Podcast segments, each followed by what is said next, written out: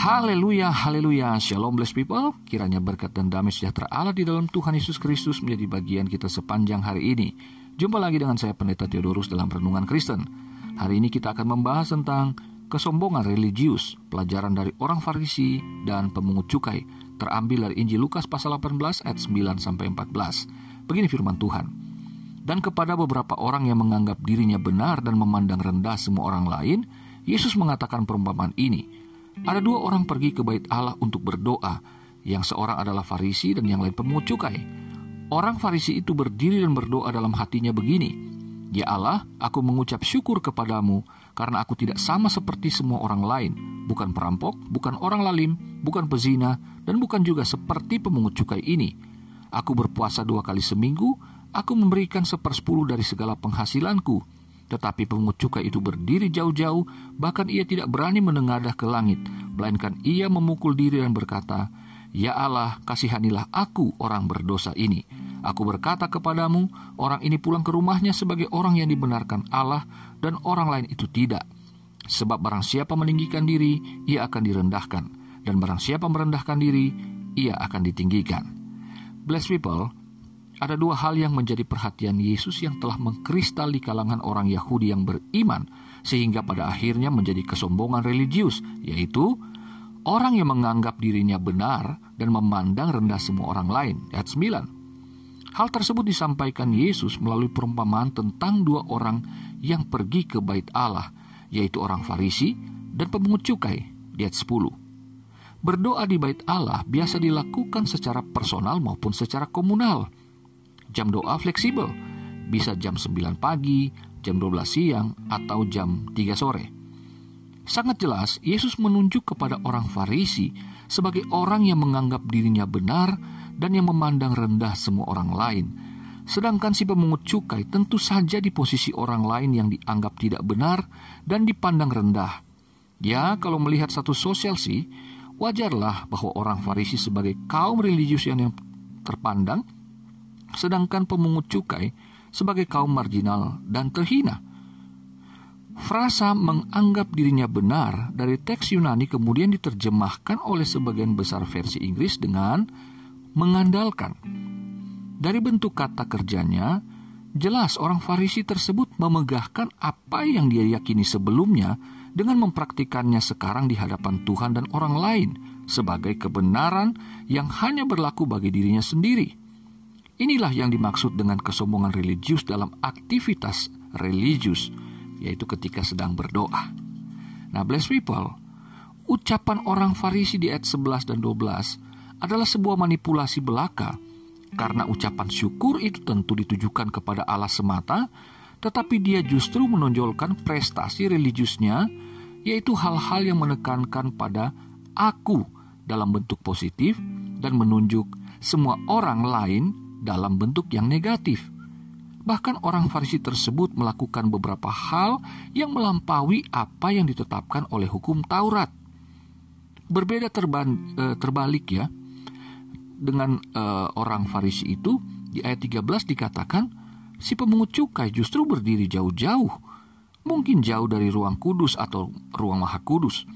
Yang jelas, ia merasa tidak layak berdiri di hadapan Allah yang maha kudus ia bahkan memukul diri yang menyeratkan kepedihan yang mendalam.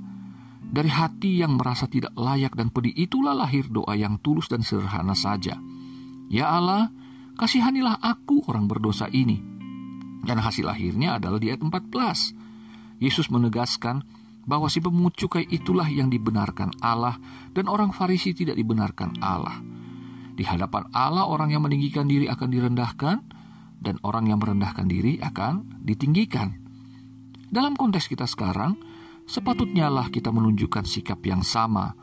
Kebenaran yang kita miliki adalah anugerah Allah di dalam Kristus, bukanlah upah bagi kita. Dan anugerah kita terima melalui iman, di mana kita menyadari bahwa ketidaklayakan, kehinaan, dan ketidakmampuan diri sendiri untuk membenarkan diri di hadapan Allah. Untuk itulah maka kita harus senantiasa memandang semua orang itu sama juga di mata Tuhan.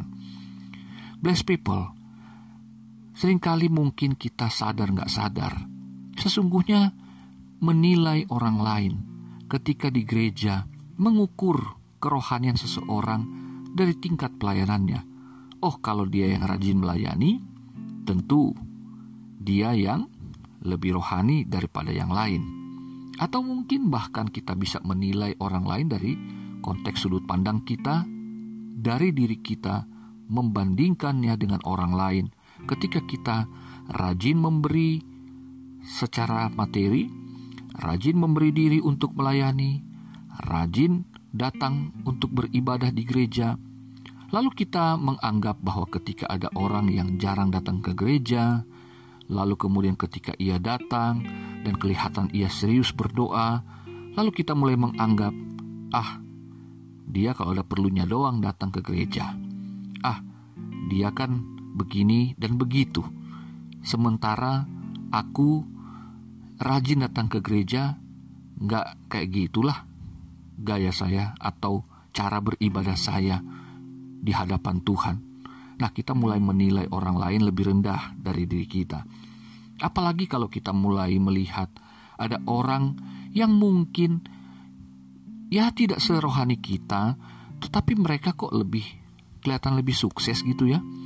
Lebih makmur secara materi atau pekerjaan mereka kok kelihatannya lebih cepat maju daripada kita Lalu kita mulai menghakimi mereka. Ah, jangan-jangan itu dapat hasil dari cara kerja yang gak benar. Ah, jangan-jangan dia mengerjakan sesuatu yang berdosa di hadapan Tuhan. Karena kita mengukur bahwa kita orang rohani, dia nggak rohani. Kita yang rajin ke gereja, dia jarang ke gereja.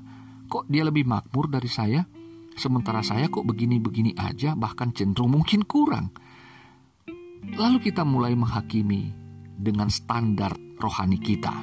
Padahal kita harus fokus beribadah kepada Tuhan, melayani, memberi diri, memberi kehidupan kita sepenuhnya, bahkan mungkin harta kita, tanpa kita harus membanding-bandingkan dengan orang lain lebih rendah daripada kita, atau mungkin bentuk kesombongan lain adalah kita merasa tidak layak, bukan karena rendah hati mengakui sebagai orang berdosa di hadapan Tuhan, yang hanya membutuhkan kasih karunia Allah, tetapi kita mulai membandingkan, ah, saya kan nggak sekaya dia, saya nggak serajin dia, saya nggak bisa memberi diri dan persembahan seperti dia.